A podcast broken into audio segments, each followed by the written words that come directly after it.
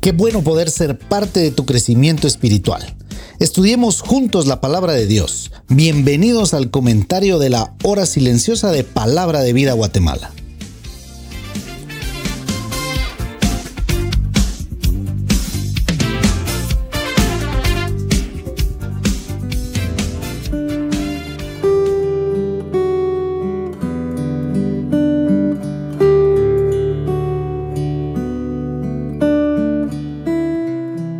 Es saludarlos nuevamente en el comentario de la hora silenciosa de palabra de vida. Hoy estamos en Lucas capítulo 18 versículos del 1 al 14. Y dice así la palabra de Dios. También les refirió Jesús una parábola sobre la necesidad de orar siempre y no desmayar, diciendo, había en una ciudad un juez que ni temía a Dios ni respetaba a hombre. Había también en aquella ciudad una viuda la cual venía a él diciendo, hazme justicia de mi adversario. Y él no quiso por algún tiempo, pero después de esto dijo dentro de sí, aunque ni temo a Dios, ni tengo respeto a hombre, sin embargo, porque esta viuda me es molesta, le haré justicia, no sea que viniendo de continuo me agote la paciencia.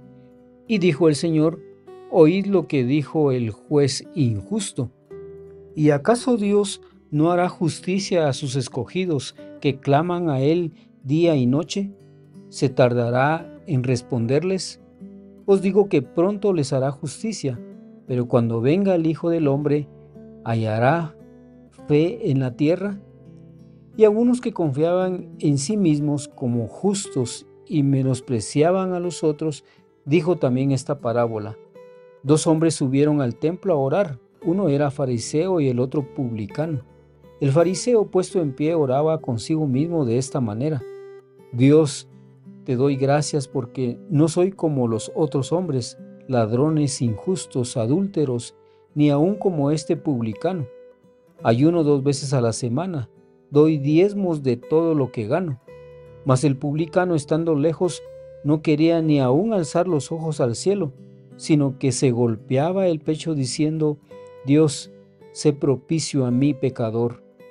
Os digo que éste descendió a su casa justificado antes que el otro, porque cualquiera que se enaltece será humillado, y el que se humilla será enaltecido. Jesús enseña ahora acerca de la oración. Estos versículos incluyen dos parábolas de Jesús acerca precisamente de la oración. Una fue dirigida a los discípulos del versículo 1 al 8 y la otra, del versículo 9 al 14, fue dirigida a unos que confiaban en sí mismos como justos. Jesús se refiere a la parábola del juez injusto para enseñar la perseverancia en la oración, sobre la necesidad de que sus discípulos oraran siempre y no desmayaran. Lucas es el evangelista que más veces presenta a Jesús orando e, e invitando a los creyentes a poner en práctica la oración. Aquí en los versículos de 2 al 5 encontramos la parábola de la viuda y el juez justo. Una viuda persistía en ir a un juez injusto para rogarle justicia en su caso. El juez, en forma continua, no quiso atenderla, pero después de esto decidió hacerle justicia. No sea que viniendo de continuo me agote la paciencia, dice el versículo 5 y nota que la única razón por la que le dio lo que deseaba era porque la mujer no dejaba de molestarlo. Jesús interpretó la parábola en los versículos del 6 al 8, señalando que si el juez injusto hacía justicia, entonces había que imaginarse que Dios, el juez justo, pronto les hará justicia. La pregunta de Jesús en el versículo 8, cuando venga el Hijo del Hombre, ¿hallará fe en la tierra? No se hizo por ignorancia. Tampoco se preguntaba él si habría creyentes cuando volviera. Más bien, hizo la pregunta para animar a los discípulos a ser fieles en la oración y para que se mantuvieran firmes en la oración. Esta es otra buena lección, como tantas en la Biblia, que es sacada de un mal ejemplo. La lección es que siempre debemos permanecer con un espíritu de oración. El Señor muchas veces se tarda en responder, pero eso no significa que se olvida de los suyos.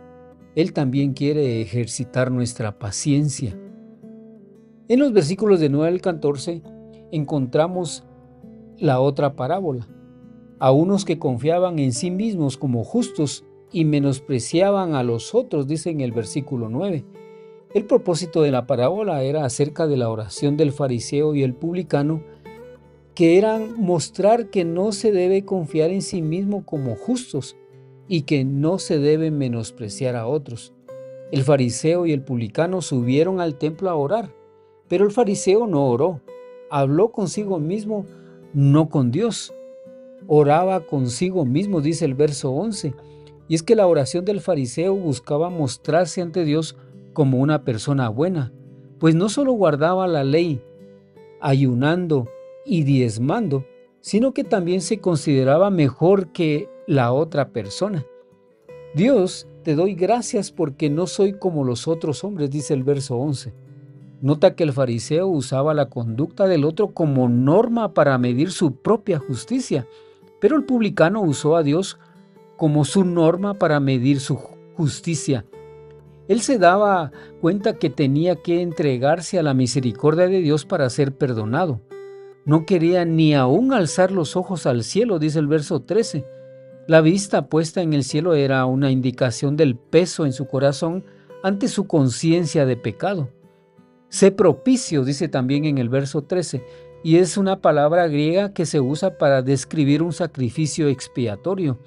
El publicano estaba diciendo, en otras palabras, Dios ten misericordia de mí a través de tu sacrificio expiatorio por los pecados, porque yo soy un pecador. El fariseo se veía a sí mismo como algo grandioso cuando realmente no lo era. Y el publicano se veía a sí mismo como un pecador con necesidad de la misericordia de Dios, que es lo que realmente era. Esa es la razón del versículo 14 cuando finalmente dice Jesús, porque cualquiera que se enaltece será humillado, y el que se humilla será enaltecido. Por eso, vívelo. Debemos reconocer que fuimos creados con un instinto espiritual. Recuerda que Jesús vivió una vida de oración y vive una vida de oración intercesora por su pueblo, como dice en Hebreos capítulo 7. Por lo tanto, no debemos de desmayar en oración. Siempre que oramos, nos acercamos a Dios, a un Dios que es juez justo, que ama a sus hijos, pero también conoce sus necesidades. Pero el Señor también demanda humildad y arrepentimiento sincero al acercarnos a Él, para que veamos la grandeza de su perdón y finalmente seamos justificados. Mi nombre es Carlos Boj y como siempre esperamos que la palabra de Dios cumpla sus propósitos en tu vida. Bendiciones.